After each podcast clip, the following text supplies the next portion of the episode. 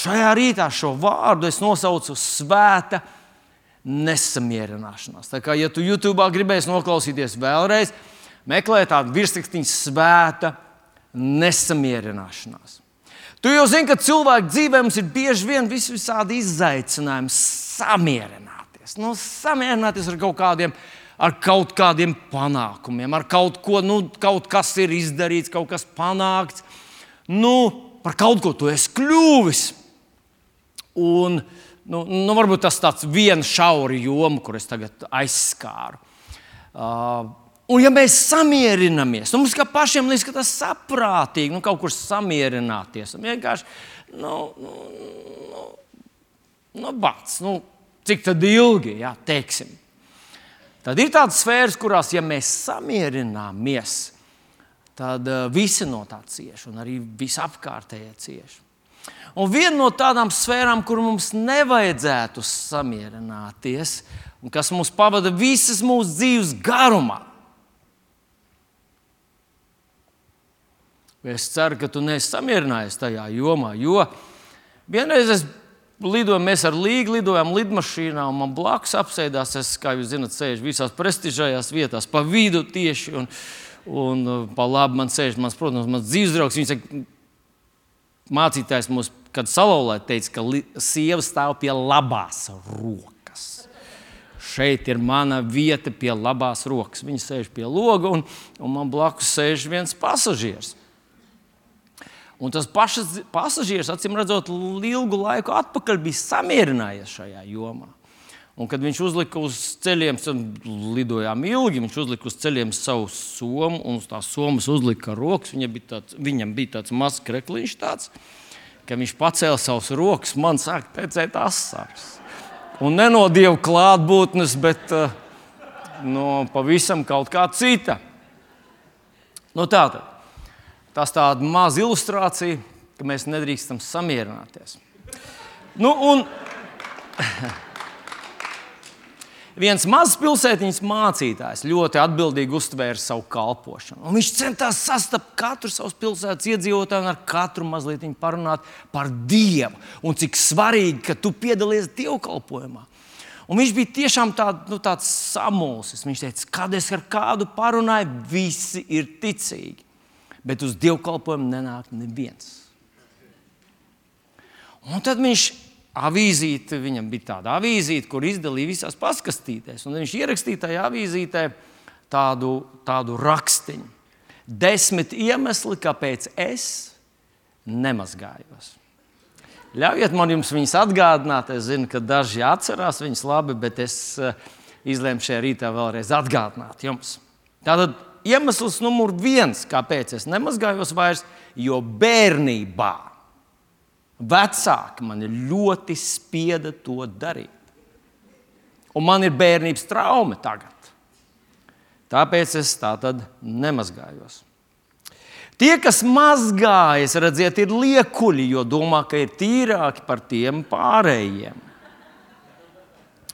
To ziepju ir tik ļoti daudz, ka es nevaru īsti saprast, kuras ir tās labākās. Un tāpēc nelietoju nevienas. Agrāk es mazgājos, bet kāda jēga? Tad man apnika, un es pārstāju. Es mazgājos tikai īpašos gadījumos, Ziemassvētkos un Lieldienās. Neviens no maniem paziņām un draugiem nemazgājas. Kāda jēga man to darīt? Es sākšu mazgāties, kad kļūšu vecāks un netīrāks. Man nav laika, vienkārši nav laika. Devītais iemesls - vannas istaba. Ziemā nekad nav pietiekami silta, un vasarā nav nekad pietiekami vēsa. Un pats pēdējais ir tas nu, visģeniālākais, visspēcīgākais arguments, ka tā tad kāpēc mācītājs šo te pielīdzināja. Ticīgs cilvēks, viņš nevar būt dievkalpojumā. Un viņš pielīdzināja to tādam mazgāšanās paradumam. Viņš teica, tie ziepju ražotājiem. Viss, kas viņiem interesē, ir tikai mana nauda. manuprāt, ļoti, ļoti spēcīgi argumenti, kurus lieto daudz, daudz varbūt mums pazīstami cilvēki. Bet, lai mēs nonāktu līdz svētai ne, nesamierināšanās, protams, tas uh, ir jārunā par Dievu vārdu.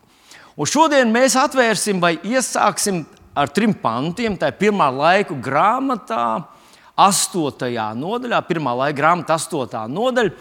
Ziniet, savā Bībeles kārtajā, savā sistemātiskajā Bībeles lasīšanas plānā Man tā tad es lasu pirmā laika grāmatas septītā nodaļa. Un tie, kas esat lasījuši septīto nodaļu, vai kuriem tāda perfekta atmiņa, jūs atceraties, kas tā ir pirmā laika grāmatas septītā nodaļa, astotā nodaļa un vēl mazliet uz priekšu. Tur ir ļoti daudz tādu radu rakstu. Un ir bijušas tādas reizes, kad es lasot šos radu rakstus, nu vienkārši, nu kā to sauc, pāršķiru lapu. Jā, jo, Tur ir tik daudz tādu vārdu, nu, tur būtu Andri, Pēteri, Jūri, Viļņi. Uh, un, un, iespējams, ka tas būtu vieglāk, bet tie vārdi, kas tur ir, viņi ir tā tādi, nu, tā kā, tā, tā kā es tā, nu, lūdzu, atvainojiet, man, kas tā ļoti nopietni, tā, ar bību, pat lasa radu rakstus Bībelē. Nu, es atļāvos tā mazliet tā, tādu, mazliet tā, ar tādu humoru padomāt Nu, kas tie par vecākiem, kas saviem bērniem liek tādus vārdus? Nu, manuprāt, īpaši traģiska situācija bija 22. līdz 24. pantam, kur tēvs ir šašaks. Tātad tēvs sauc šašaks. Kā jūs, nodomājat, kā jūs domājat, viņš nosauca savu pirmdzimto dēlu? Išpans. Tātad Išpans atnāk uz bērnu dārzu un skolotāji, audzinātāji jautā, puisīt, kā tevi sauc? Išpans. Kā, kā lūdzu? Išpans. Ah.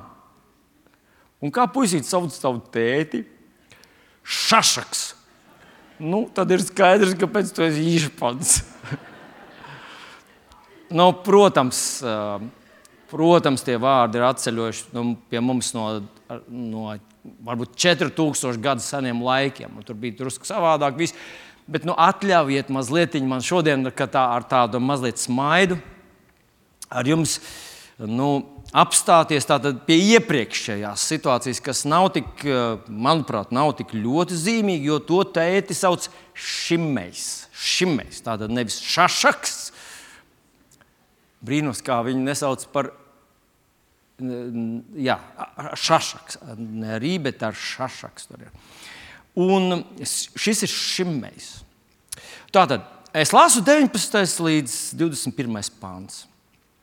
Un Jakīms, Sihrijs, Zabdijs, Eljoenais, Ciltais un Eliels un Abadija un Bereja un Šimrats bija Šimmēja dēli. Un pie sevis es apstājos šajā vietā un sāku domāt. Jakims, Sihrijs, Zabdijs un Eljoenais. Varbūt tas tēvs nosauc pirmo Jakims, Sihrijs, Zabdijs. Nu, idejas jums vienkārši jaunie vecāki, vai tie, kas gatavo, gatavojaties precēties. Pirmzimtais varētu būt Jakims. Nu, tātad tēvs un māte nosauc tos pirmos bērnus tādās ļoti parastos vārdos. Jakims Sihrijs Zabdijs. Jakims Sihrijs Zabdijs. Un tad tētim ienāca prātā tāda doma. Nē, bet mēs gribam, lai, lai mūsu ceturtais būtu tāds neparasts. Mēs gribam, lai kaut, kas, kaut ko viņš savā dzīvē sasniedz, tādu ievērības cienīgu, lai par viņu raksta grāmatās, vajadzētu kaut kā tādu, sar, tādu īpašu vārdu un viņi viņam ieliek vārdu Eljoenais. Kādā reizē Eljoenais iepazīstās ar citiem puišiem, un tie prasa, kā tev vārds? Un viņš saka, Eljoenais. Ilienais? Nē, nē, Eljoenais. Kā? Tu, tu te dzirdēji, ka es četras reizes stādījos priekšā. Tu varētu pateikt, kā man sauc. Eljoenais.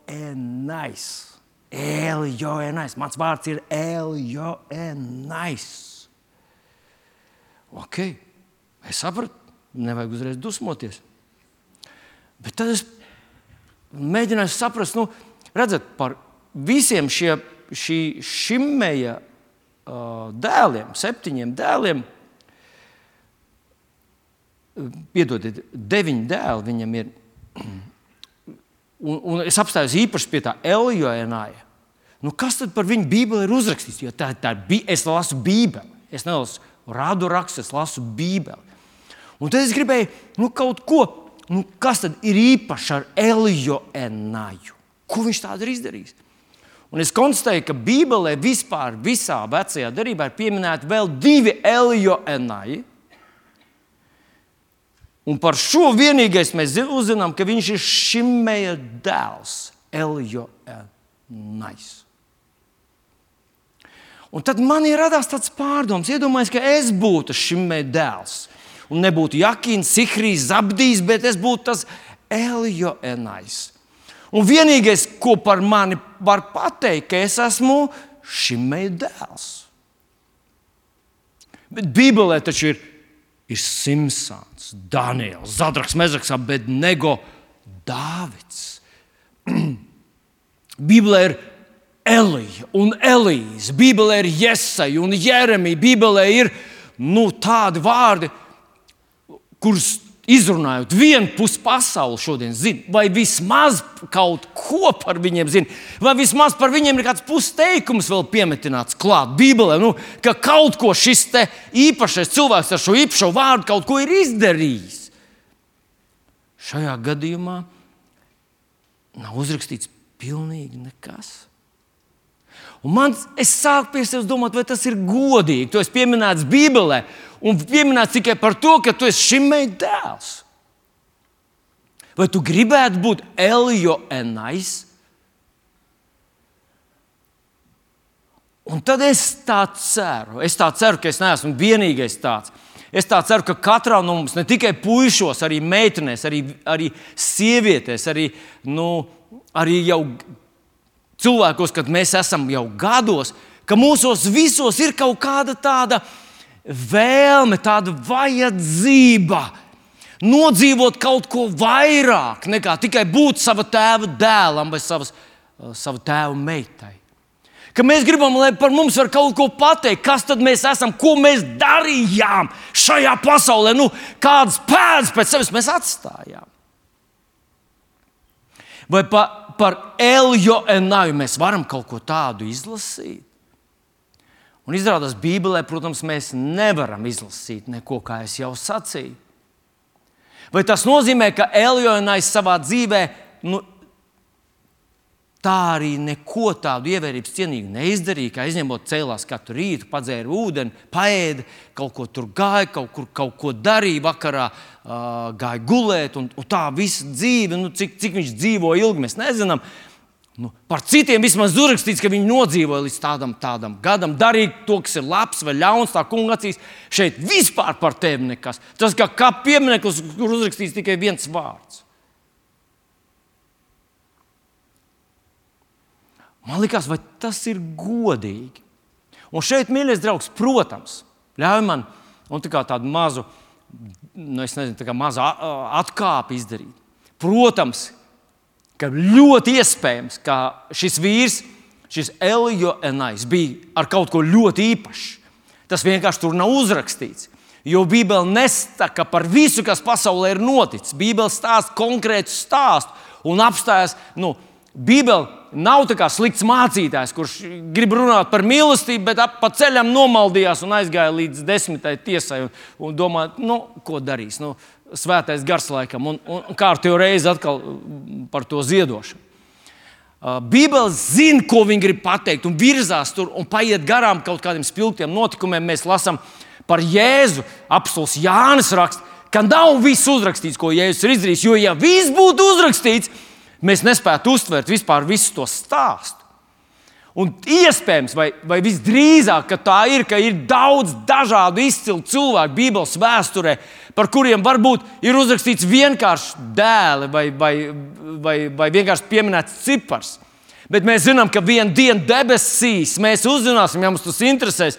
Un tur smalka grāmatvedība Bībelē tiek skaitīta, uz, uzvesta, jo Bībelē mēs lasām, ka ik viena asa, Dievs saskaita asars, Viņš zina, cik ir matu uz galvas mums.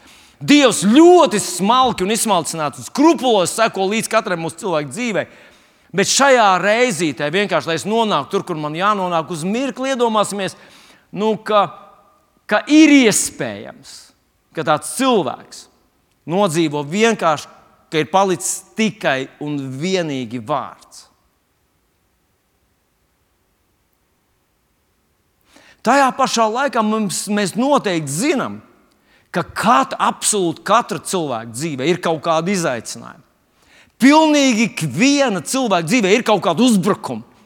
Pilnīgi ikvienam cilvēkam, pilnīgi ikvienam cilvēkam, pilnīgi ikvienam cilvēkam, viņš ir ticīgs vai neticīgs, vai viņš to zina vai nezina, ir dieva dota misija šai pasaulē.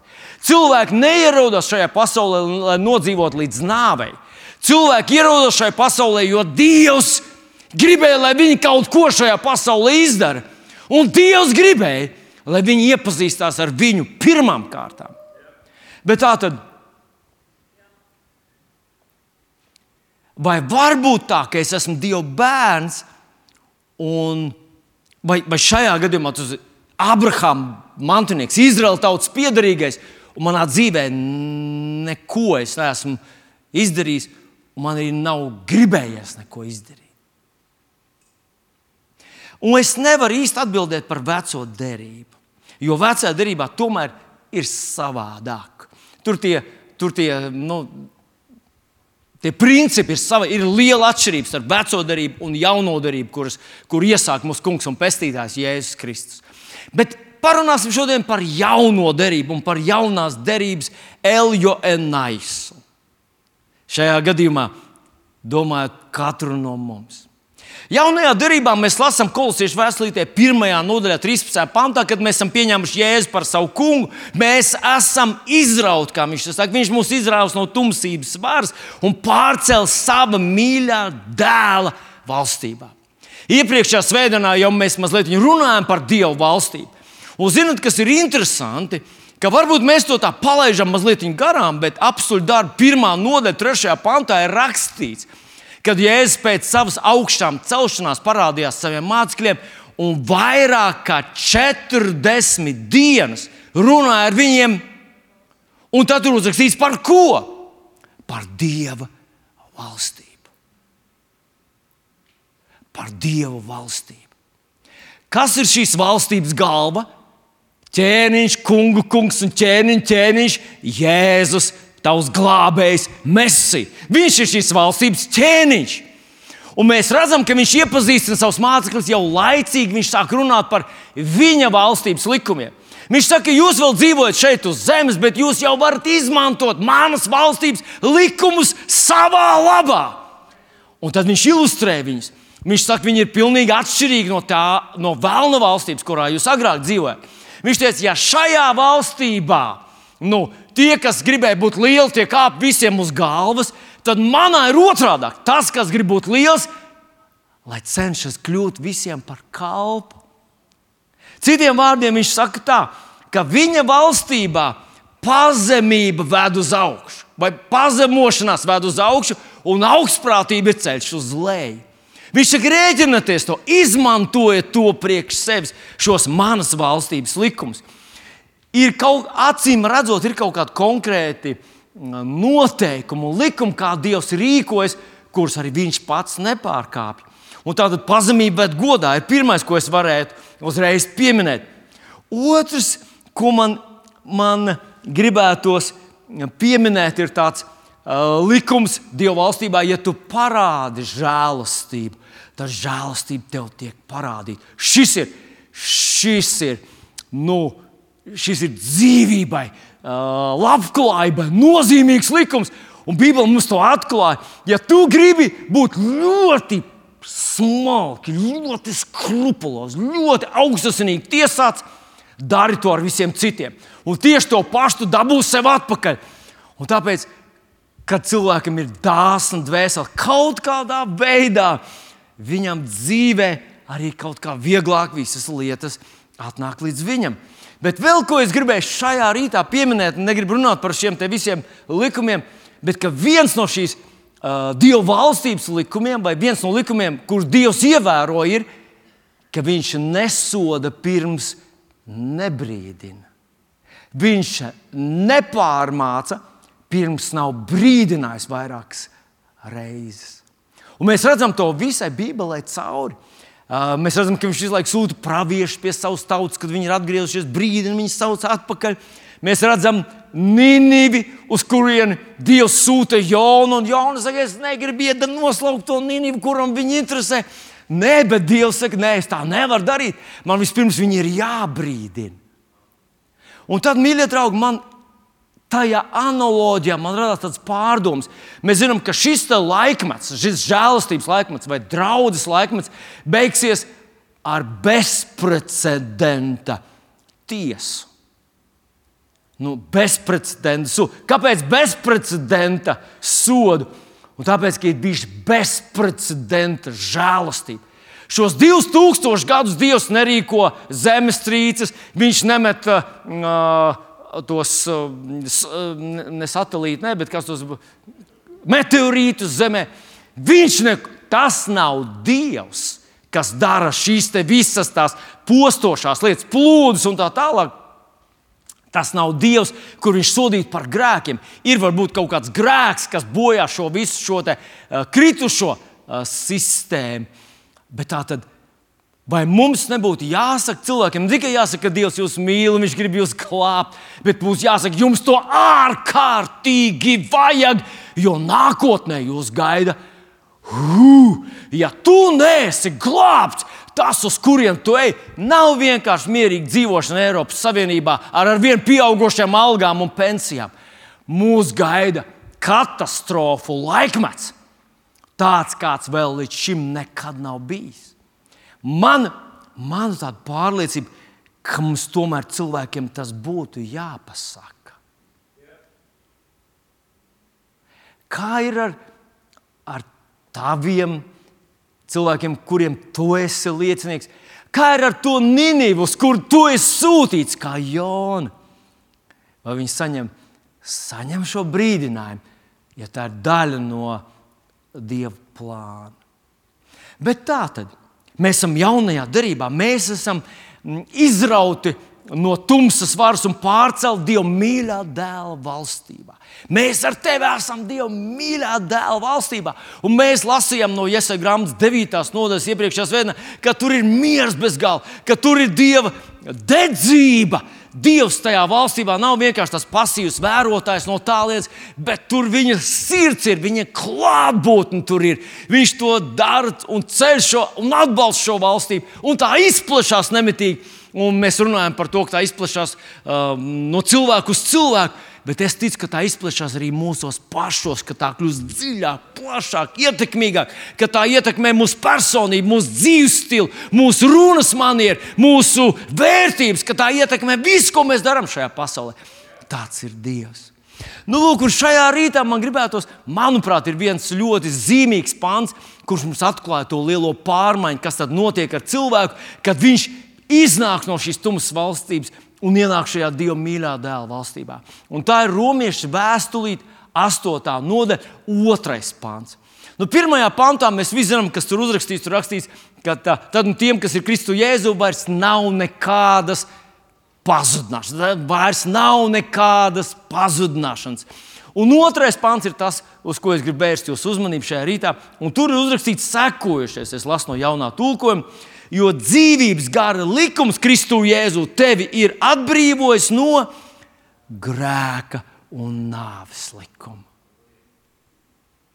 Jo dzīvības gara likums Kristu Jēzu tevi ir atbrīvojis no grēka un nāves likuma. Nu, padomāsim mazliet par šo apzīmējumu likums. Nu, kas, kas ir likums? Nu, es esmu drošs, ka mēs ar tevi zinām kaut kādus tādus vispārīgus likumus, kas darbojas, nu, kurus mēs saucam par likumiem. Nu, viens viens no ļoti pazīstamiem, ļoti saprotamiem likumiem, kur mēs izmantojam ikdienā, ir gravitācijas likums. Tāpēc tu mierīgi sēdi un, kad tu un pat pakustini kājas, tu necelies gaisā, tu vienkārši sēdi tur, kur tu esi. Un tu zini, ka gravitācijas likums darbojas šajā namā, viņš darbojas uz ielas, viņš darbojas tavās mājās, viņš darbojas liepājā, saldū, viņš darbojas alūksnē, viņš darbojas visā Latvijā, vai ne? Un viņš darbojas ne tikai trešdienās vai svētdienās, viņš darbojas katru gadu, katru minūti, katrus, katru gadu laiku, jebkuros situācijā. Vienalga, vai, tev, vai tu esi labā noskaņojumā vai sliktā, gravitācijas likums vienkārši darbojas. Bet viņš darbojas ne tikai Latvijā. Ja viņš darbotos tikai Latvijā, tas būtu Latvijas fenomens. Aizbrauciet uz Latviju, tur ir gravitācija. Visur citur tādas nav. Bet mēs zinām, ka gravitācija darbojas Igaunijā, Lietuvā, viņa darbojas Krievijā, Ukrajinā, viņa darbojas Briselē, Amerikā, visā pasaulē. Tāpēc to sauc par likumu, ka tas ir kaut kas stabils, nemainīgs, kas darbojas vienmēr. Bet tā tad viņš mūs ir atbrīvojis un vispirms gribētu uz mirklī pieskarties šim grēka un nāves likumam. Grēka un nāves likums. Viņš jūs atbrīvojas no grēka un nāves likuma. Nu, ko tad nozīmē grēka un nāves likums? Nu, vispirms mēs saprotam, ka vispirms tas nozīmē likums, ka grēka alga ir nāve. Tu izdari grēku, tu saņem nāvi. Tu izdari grēku, saņem nāvi. Izdari lielu grēku, saņem nāvi. Izdari mazu grēku, saņem nevis mazu nāvi, bet nāvi. Nāve ir nāve. Tu nevari teikt, cilvēks mazliet nomiris. Cilvēks ir vai nu miris, vai dzīves. Tātad grēka un nāves likums ir vadošais likums vēlnu valstībā. Bībele mums saka, Jāņa evanģēlijā, 1. Jāņa vēstulē, 3. nodaļā, viņš saka, kas dara grēku, ir no vēlna, jo vēlns grēko no iesākuma. Kā vēlns iedarbināja visu savu sistēmu? viņš sagrēkojās. Un mēs visi zinām, kā viņš sagrēkojās. Viņš sacēlās pret Dievu. Viņš realizēja dumpi.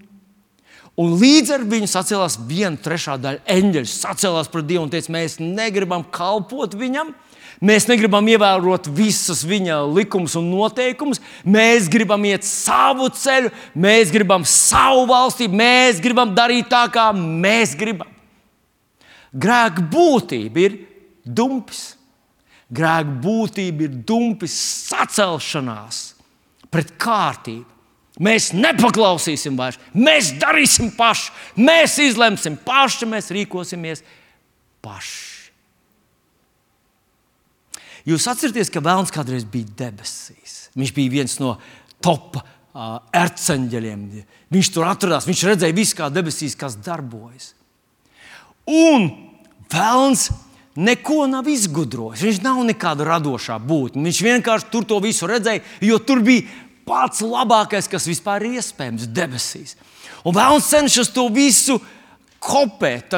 To sauc par vislielākais pasaules plaģiāta meistars.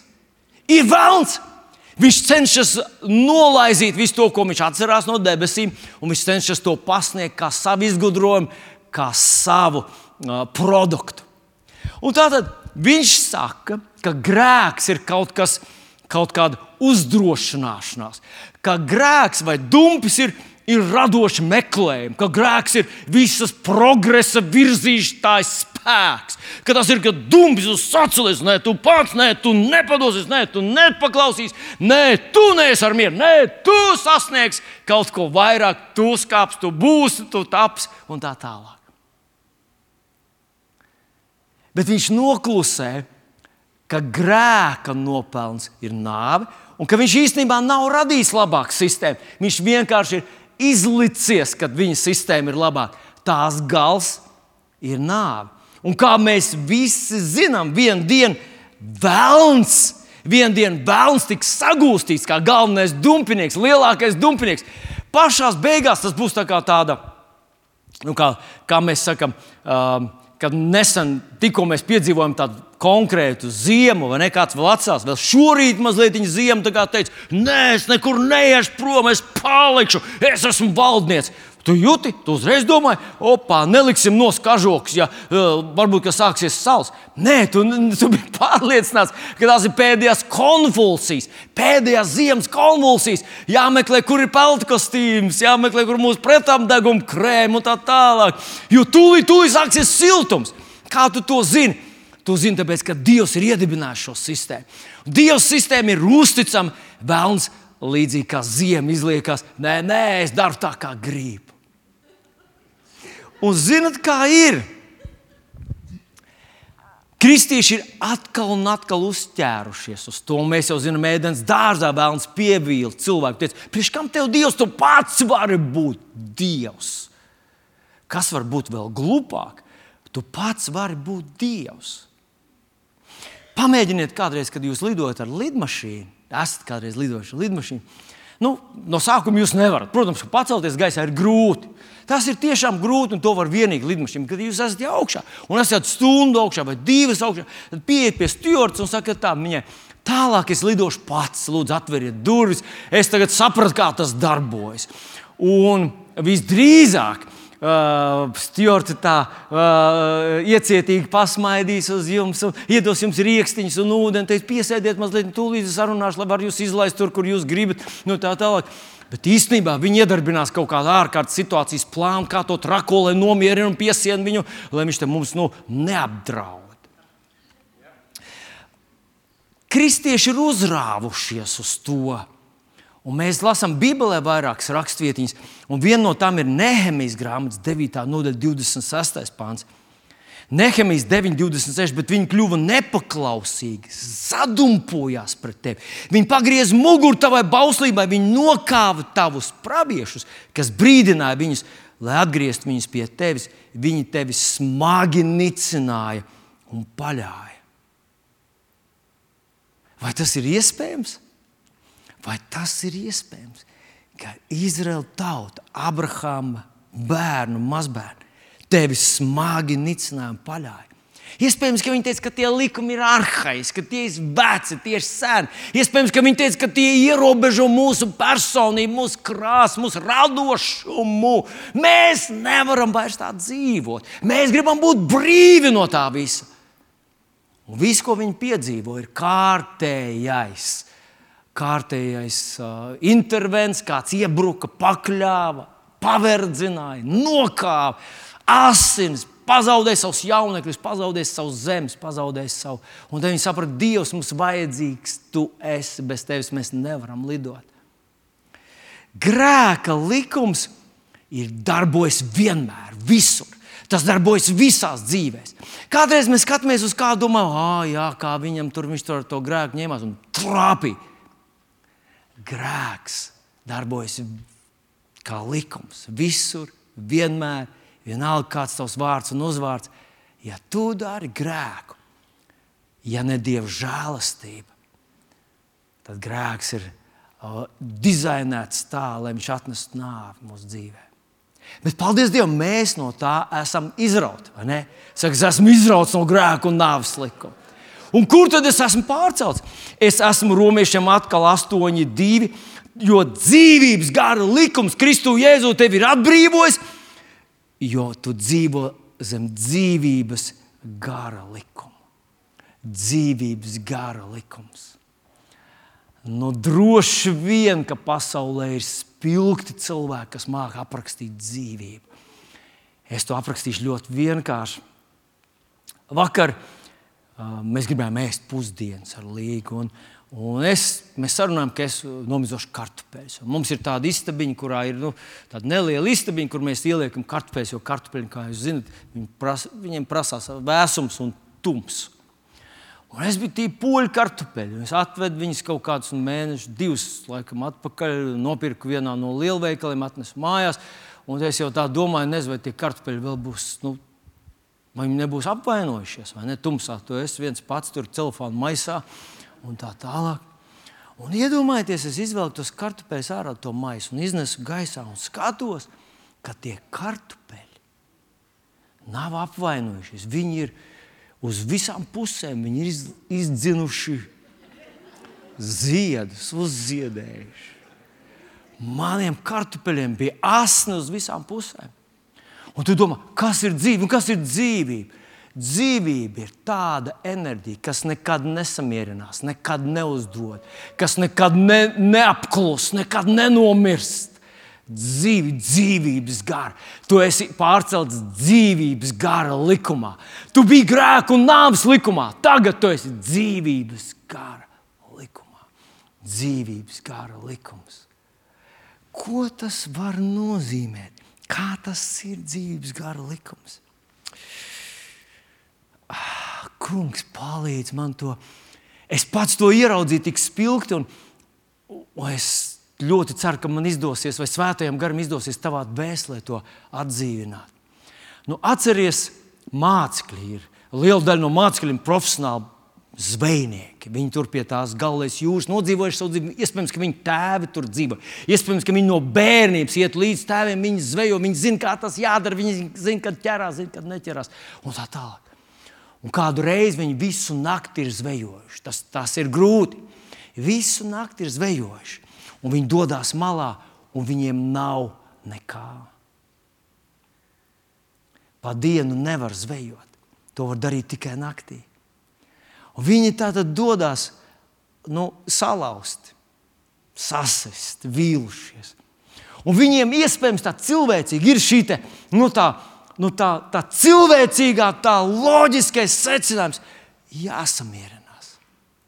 Bet tur krastā stāv Dieva vārds - Jēzus Kristus. Un ko viņš saka viņam? Hei, vai jums ir? Nē, mēs visu nakti zvejojuši un nekā neesam dabūjuši. Viņš saka viņiem, izmetiet tīklu par laivas labo pusi. Ziniet, ko viņš saka viņiem? Nesamierinies, nesamierinies. Uz manu vārdu pamat. Uz tavu vārdu, Pēters saka, uz tavu vārdu. Mēs to izdarīsim. Un, manuprāt, tas ir tas, ko Bībele ar mums dara. Redz, Mēs ar tevi, protams, varam lasīt Bībeli. Nu, tā kā tādi, tādi nomināli kristieši mums jāizlasa dienā viena, bībe, viena nodaļa, lai mēs varētu pateikt Dievam, es lasīju tavu Bībeli.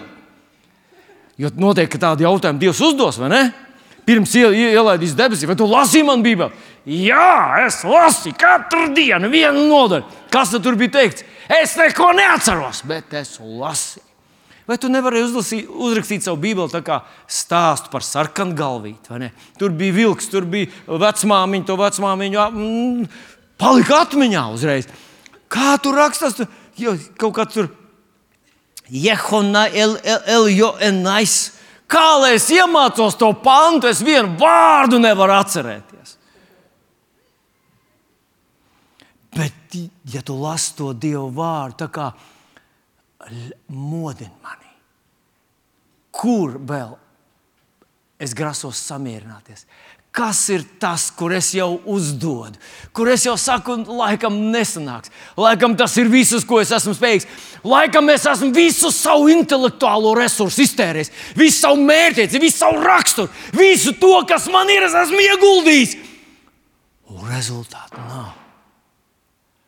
Un tad Dieva vārds tev saka, hei, vai tu vari uz manu vārdu pamatu vēlreiz to darīt. Nesamierinies, nesamierinies. Nes... Abrahams ar, ar sāru. Dievs viņam teica, jums būs bērniņš. Un viņi, viņi no sākuma, kad viņi tikko saņēma to apsolījumu, Sāriņā, sāriņā, jā, mums būs bērniņš. Uz kurien viņi gāja? Nu, protams, uz turieni, kur, jūs, kur, viņi, kur parasti bērns atrod veikalā. Iesim meklēt, sa, Pirmos pāris gadus sāra mums būs bērns. Sāra jau domā, kā viņu sauc par Eljoenāju, varbūt vai, vai, vai, vai par Īzāku. Vai, vai Eljoenājs vai, vai Īzāks. Bet gadi iet, gadi, 2, 3, 4, 5, 6, 7, 8, 9.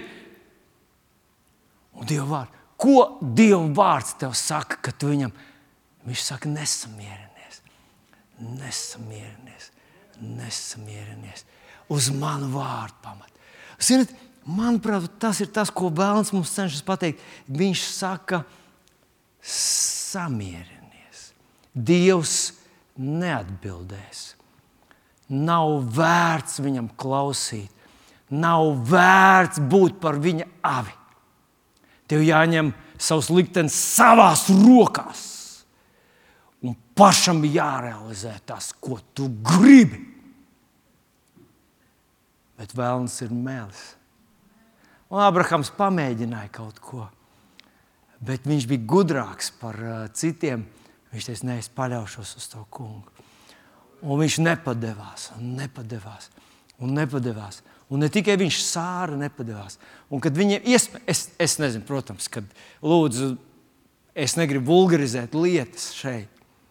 Bet iespējams, ka tagad viņš, Abrahams, vairs neteica, ārā mums būs bērns, ejam, načurpus teltī. Iespējams, ka tagad pirms tam viņi lūdza Dievu. Iespējams, ka viņi ar asarām lūdza Dievu. Teica, Dievs, mēs zinām, kā tur rakstīts, ka tu esi Dievs, kas spēj izdarīt, piepildīt savus apsolījumus. Tu esi Dievs!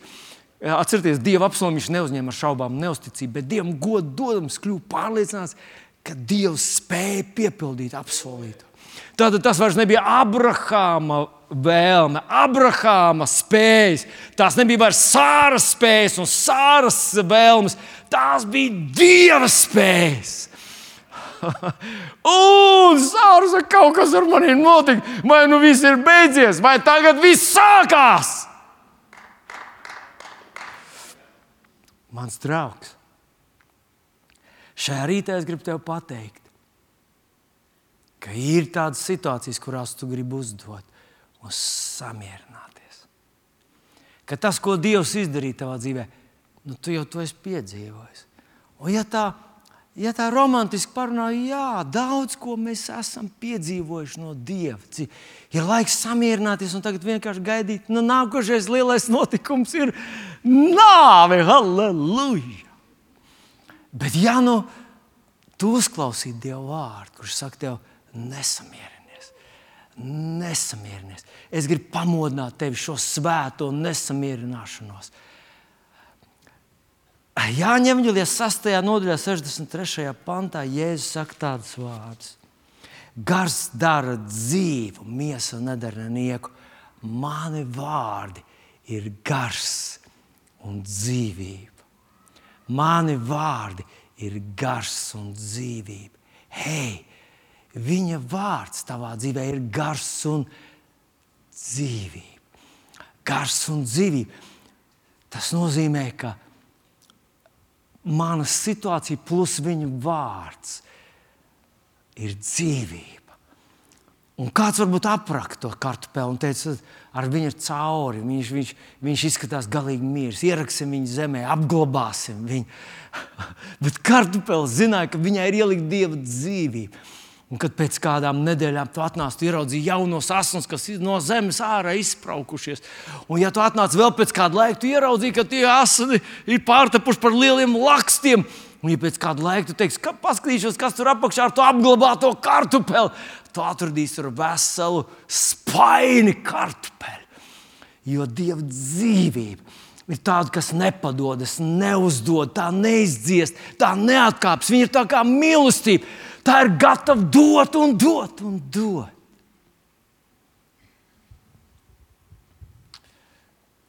Un tagad, mīļais, zini, par ko man gribētos? Mazliet, lai tu padomātu, kas ir daļa tavas, tavas dzīves, neatņemama daļa. Es zinu, tu, tev ir, protams, ikdiena, tev ir sadzīve, tev ir cenas, tev ir algas, tev ir naudas lietas, tev ir izaicinājumi, darbs un, un visi tie pienākumi. Un tiešām tie ir svarīgi. Bet jūs zināt, neviens no mums nedosim Dievam atbildi par to, nu, cik reizes tu varēji piepumpēties, vai, vai, vai cik tev presīt ir labi, vai cik ātri tu skrien, vai cik labi tu proti noslēpties. Jā. Dievs nevienam nejautās, hei, cik reizes tu vari pievilkties, un, un tad par to algu. Bet viņš jautās, ko tu izdarīji ar to, ar to manu darbu, ar manu misiju, kur es tev uzticēju. Un tas ir aiznest to manu vēsti līdz tiem cilvēkiem, kas tev dzīvo blakus. Tu taču saproti, ka, ka visi tie cilvēki, tu viņus vari nosaukt vārdā, tos cilvēkus, pie kuriem es tevi esmu sūtījis, tu viņus satiec, tu esi tajā Ninavē, tu tur jau dzīvo. Vai tu vari iztaisīt tādu sarakstu no tiem cilvēkiem, kurus, nu, ir, kurus tu pazīsti? Šie ir glābti. Tu vienā stabiņā ieraksti tos, kas ir glābti. Nu, visdrīzāk, ka viņu, viņi nebūs vairākumā. Visdrīzāk, ka tur būs nu, nu, kādi cilvēki. Varbūt ir tie, ir tie cilvēki, kuriem tev izdevās pastāstīt. Viņi, un viņi pieņēma jēzu, un, un, un tu palīdzēji viņiem izdarīt tos pirmos soļus, līdz viņi paši sāk nostājās uz kājām un paši sāk elpot un tā tālāk. Un otrā stabiņā tu ierakstīji visus tos, kas, kuriem tev nav izdevies, nav sanācis, viņi nav sapratuši. Kaut kā tur kaut kas nu, ne tā, nu, ne, nu, nu, nu. gribēji kā labāk sanāca, kā vienmēr atkal, nu, ir tā kā ir. Un tu pieraksti vienu vārdu, otru vārdu, trešo vārdu, ceturto, piekto, sesto, septīto. Un iespējams, ka tas stabiņš paliek garāks, garāks. Un es iedomājos tādu vienkārši nu, tādu neliela inventarizācija. Pirms, pirms Dievs sāk skaitīt, tu, tu pats tādu izdari, un tu paskaties, un, un kā būtu, ja tās proporcijas tev izbiedētu. Un tev būtu jāsaka, tā kā, tā kā Pēters ar visiem 12 mācekļiem, saka, es visu nakti strādāju, bet man nav nekā. Varbūt es neesmu gan simpātisks, varbūt man balss tembrs ir iebīgs, varbūt es, es nemāku to. Varbūt nu, nu, kaut kas manā personībā ir tāds, ka cilvēki man neuztver, neņem par pilnu, nepaklaus. Kaut kā neviens man sakot negrib. Dievs, kāpēc tu man tādu radīji? Bet, ja nu ne tur ir tā vaina, bet vaina ir tajā, ka tev ir cīņa, tev, tu reāli esi izgājis uz divkauju ar Goliātu. Un tas Goliāts saka, es tev sitīšu tik ilgi, līdz tu samierināsies, ka tu uzvarēt nevari. Un tad tu lasi Dieva vārdu. Bet jūs dabūsiet spēku, kad Svētais Gars būs nācis par jums un būsiet mani liecinieki.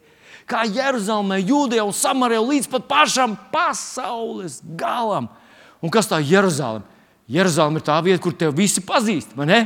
Kur zina visus tavus, nu, tavus, tavus mīnusus, visas tavas vājās vietas. Viņi zina visu tavu bērnību, zina visus tavus nu, zaudējumus. Katru reizi, kad tu, kad tu nu, pārdur riepus kaut kur, tad visi to zina. Un tev jāsaka ar Jēzu. Redz, pasaules galā ir vieglāk. Tur neviens tevi nepazīst. Tu atbrauc kā no citas planētas, tu kaut ko pastāstīji, nodziedi un žigla autobusā iekšā. Neviens neko par tevi neuzzina. Bet viņš te sāc ar Jeruzalemi. Jeruzalem. Un kad tu saki, Dievs, Jeruzalemē neviens, tad ja es teicu, bet vai tu vari nesamierināties ar to? Vai tu vari? Sevī pamanīt to svēto neapmierinātību, kur es modinu tevi. Es modinu tevi, nesamierinies. Turpini spīdēt, turpini aicināt, turpini pieskarties, turpini uzrunāt, turpini to darīt. Turpini viņiem atgā, atgādināt, cik ļoti viņiem vajag to glābšanu. Jo tas, kas, kur viņi nonāks bez glābšanas, ir vienkārši murgs. Neviens tur negrib. Dievs negrib, ka tu Viņš man spiež tev atkal un atkal brīdināt, nenonāc tur, kur viņš negrib, lai tu nonāc.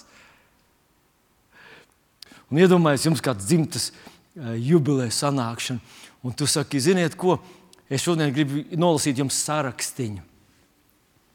Un tu piecelies un sāc lasīt vārdus un uzvārdus. Saki, tur tāds un tāds, tāds un tāds, tāds un tāds. Pēc manas saprašanas jūs ejat uz elli Ja tas tā nav, lūdzu, dariet man zinām, jo man sāp sirds par jums. Es par jums lūdzu katru dienu, un es gribu būt drošs, ka tas tā nav. Es, ja tur ir ierēbuši cilvēki, iespējams, ka, ka tas būs. Es, es nezinu, kas tur ir. Iespējams, ka tevi izdzīs ārā, iespējams, ka tevi vairs neviens nelaidīs pirtī ar viņiem. Iespējams, ka, nu, iespējams, ka tas izraisīs kaut kādu ģimenes šoku vai, vai, vai kaut ko. Bet iedomājieties, kā jutās Jona, ka vienīgais, kas viņam bija jāiet un Ninevē jāpasaka, pēc 40 dienām mans Dievs iznīcinās šo pilsētu, jo jūs esat grēkojuši.